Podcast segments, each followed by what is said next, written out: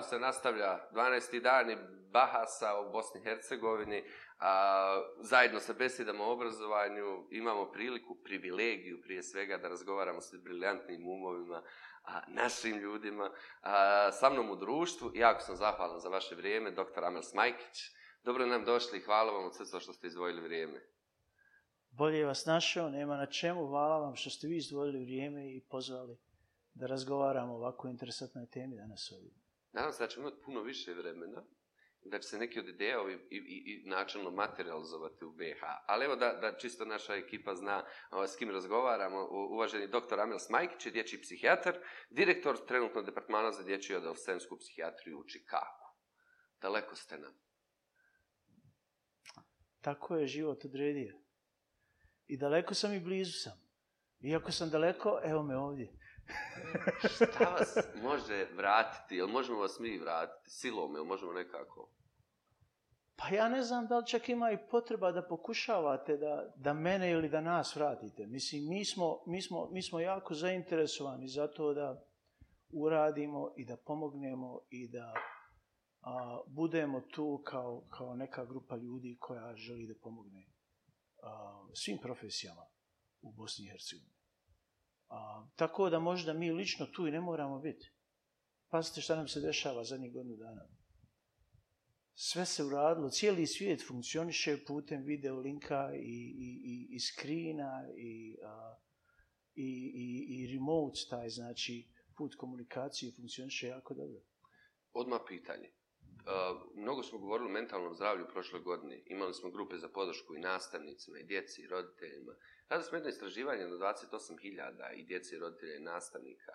I u kontekstu procene online nastave, jer nismo bili zadovoljni kvalitetom, ali smo podvukli neka pitanja.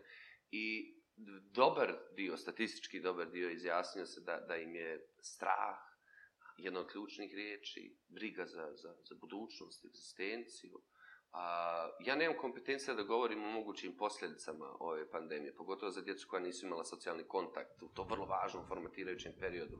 Evo, iz, iz vaše perspektive, šta ovo potencijalno, koje opasnosti nosi i po djecu, a onda konsekventno i po društvu možda?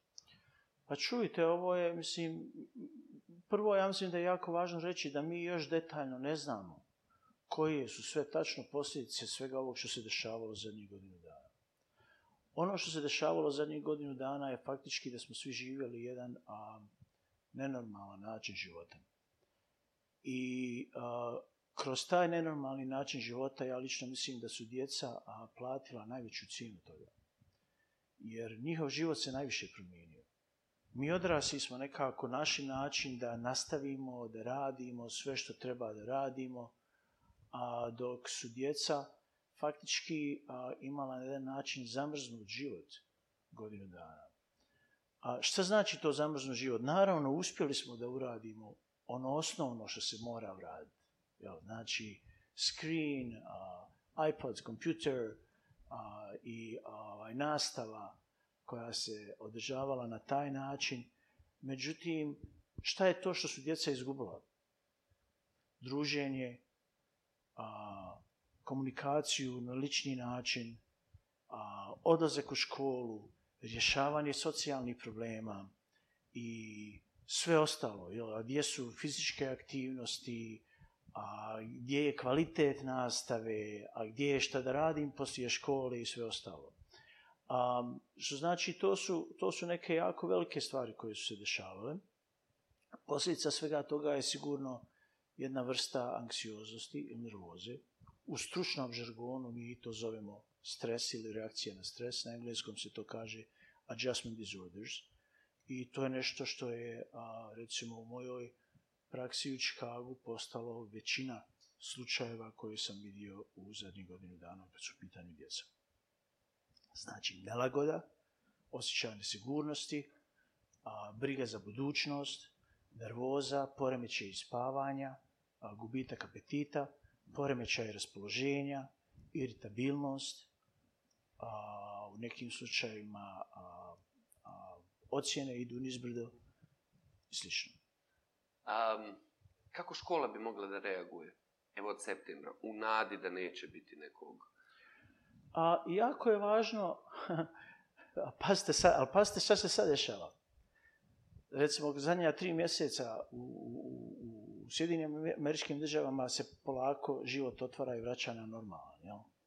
Sad imamo situaciju... Mislite gdje... posle izbora ili po, zbog pa pandemije? Pa nekako se to desilo i posle izbora, ali je i, i pandemija, brojevi su jako dobri. Tako da u principu život se otvara. Recimo u Čikagu se maska više ne nosi ni unutra ni van. A škole su se otvorile negdje tamo, negdje čini mi se od eh, sredine aprila i djeca idu u školu eh, uživo. A kad se to počelo dešavati, djeca su imala nervozu i, i strah od povratka u normalan život.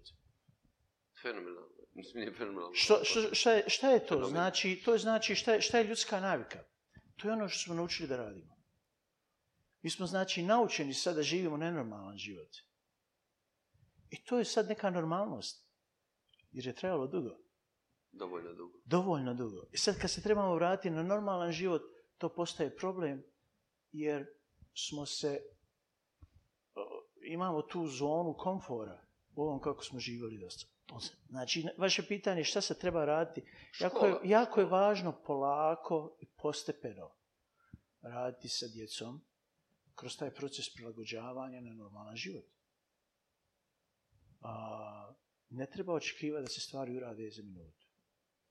Da li, evo mi smo se u kancelariji kladili da ako bude ovo epidemiološki ovako dobro, ja se nadam, iskreno se nadam, da ono što će biti prirodna reakcija sistema je da se pravi lud kao da se ništa nije desilo i septembar idemo, krećemo, ne osvrćemo se.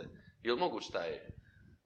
Pa mislim, to je, pa, za to nije ovaj prirodno, jel, za, za, za ljude da, da, da, da se što prije ovaj ponašaju na taj način. Mislim, sjetite se kako, kako, kako se ljudi ovdje ponašali poslije rata pa čak i u ratu.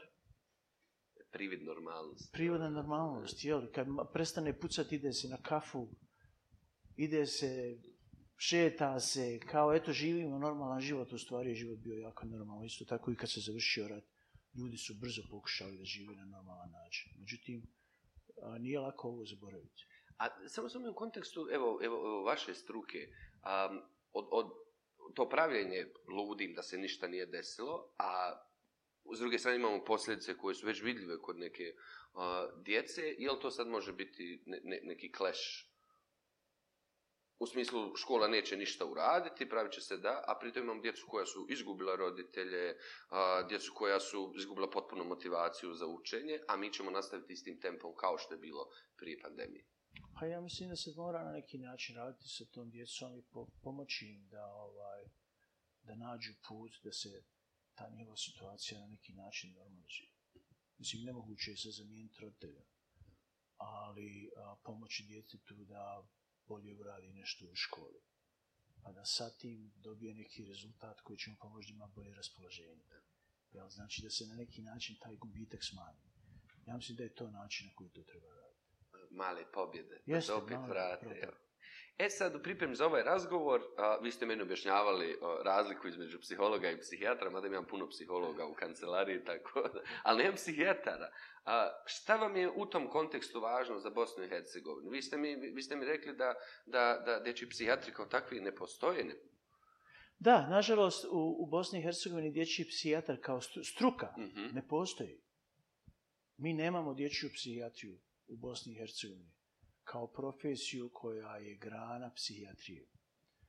A, ovdje je a, bila jedna doktorca, mislim da je to bila doktorca Vera Daniš, koja je specializirala dječju psihijatriju u Zagrebu, davno još prije rata, koja je, a, mislim, u penziji ili mirovini već nekih, a, možda, deseta godina. Šta se dešava? Dešava se da a, veliki broj djece koji imaju probleme sa mentalnim zdravljem, a, nisu stanje da dobiju adekvatno liječenje. A, roditelji vode djecu u Hrvatsku ili Njemačku da bi se ta djeca evaluirala, da bi se neki lijek propisao, pa se onda vraćaju ovdje i pokušavaju to rješavati na takav način. A, mi iz Bihasa konstantno imamo komunikacije sa ljudima odavde gdje pokušavamo nuditi neku vrstu konsultacija, savjeta, pomoći. Međutim, ne postoji nikakav organizovan način da se djeci pruži a, usluga iz dječje psijatrije. Um, kao što sam rekao na početku, sad ne mogu ja iz Čikaga kao dječji psijatar koji radi i živi u Čikagu, doći, odi u Bosnu i Hercegovini i reći vi morate napraviti dječju psihijatriju, to je užasno, to je ružno što toga nema, svi okolo imaju Srbija, Bosna, Hercegovina, Makedonija, jel? Znači, na neki način, ovaj, ipak treba to da počne iz Bosne i Hercegovine. I mislim da je tu jako važno da ljudi koji su uključeni u edukaciju počinju, počnu da razgovaraju o tome i da razmišljaju na koji način da se počne taj proces. Naravno, nakon toga to su ostale profesije koje rade sa djecom. Pediatri, a, porodični ljekari, psiholozi. Jako dobra vijest, prošle, od prošle godine imamo asocijaciju a, dječje psihologije u Bosni i Hercegovini. Oni su imali prvi kongres, a, čini mi se zimu usne i liđi. E, Što znači polako počinje. Ali kad je u pitanju dječja psihijatrija, tu se još ništa ne dešava. Um, u principu, da vam kažem malo šta je to dječja psijatrija. Mhm. Znači, dječja psijatrija je struka koja je u principu začeta negdje uh, uh, 1900. godine. Gospodin čije ime Leo Hammer je u stvari prepoznao da dijete ima poremećaje i oboljenje i oboljenja koja su drugačija od poremećaja i oboljenja a, odraslih. I da te poremećaje i ta oboljenja treba liječiti na drugačiji način nego što se to radi sa odraslim. Šta se to znači? Dijete ima svoje razvojne faze u kojima neki poremećaji su čak i normalni, a mnogi drugi nisu i sad to treba prepoznati i razvojiti, diagnosticirati i znati kako da se liječi. E tu vam trebaju saveznici. I tu vam trebaju saveznici. To se ne može raditi samo sa pacijentom. Ja ne radim moj posao uh, sa djetetom je možda 50% od mog posla.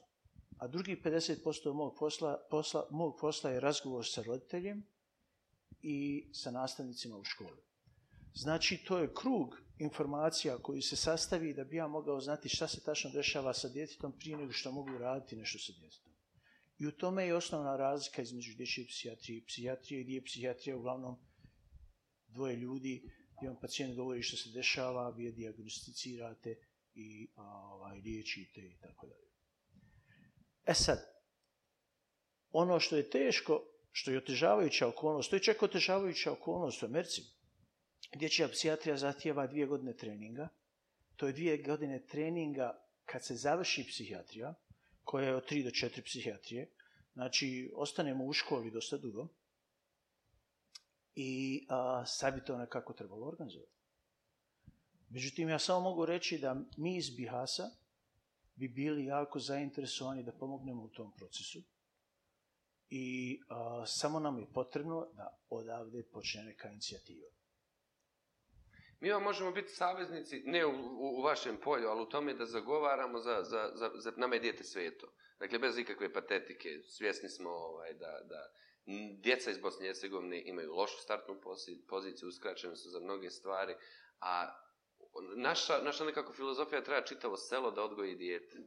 Tako da, u nama možete imati saveznika barem u zagovaranju za, za, za to. U kontekstu, evo još da, da, da pre, pred kraj, naučili ste me nešto, svaki put učimo. Um, želimo da, da razgovaramo o budućnosti, jednoj budućnosti održivoj i svim promjenama koje obrazovanje mora da doživi uh, u, tom, u, u tom kontekstu. Um, kako obrazovanje vi sanjate za Bosnu i Hercegovinu?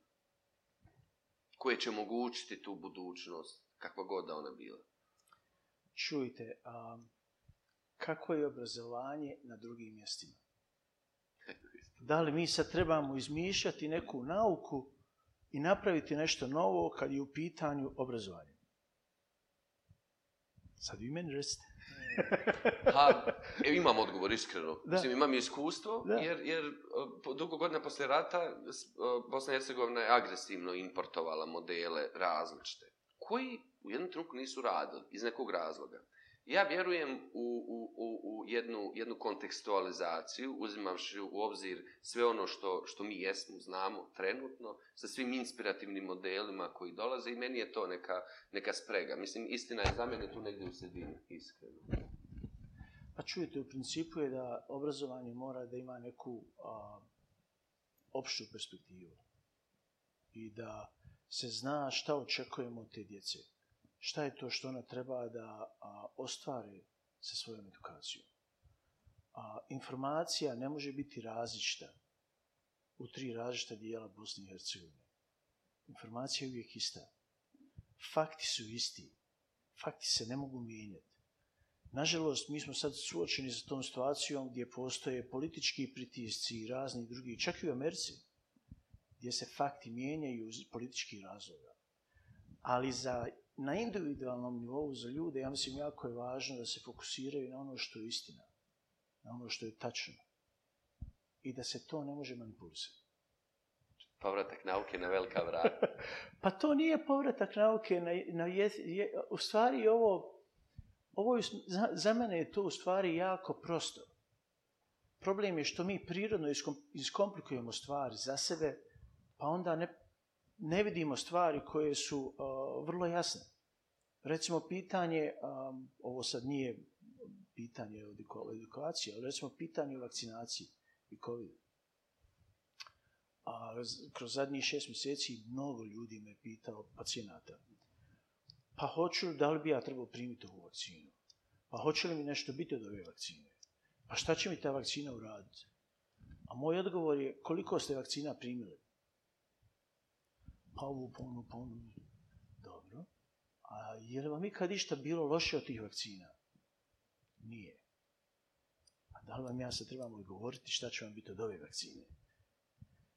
Ove što nam stavljaju da, čipove. Da, pa znači imate svoje iskustvo. sreće, ovaj, sreće doktore da nas čipuju.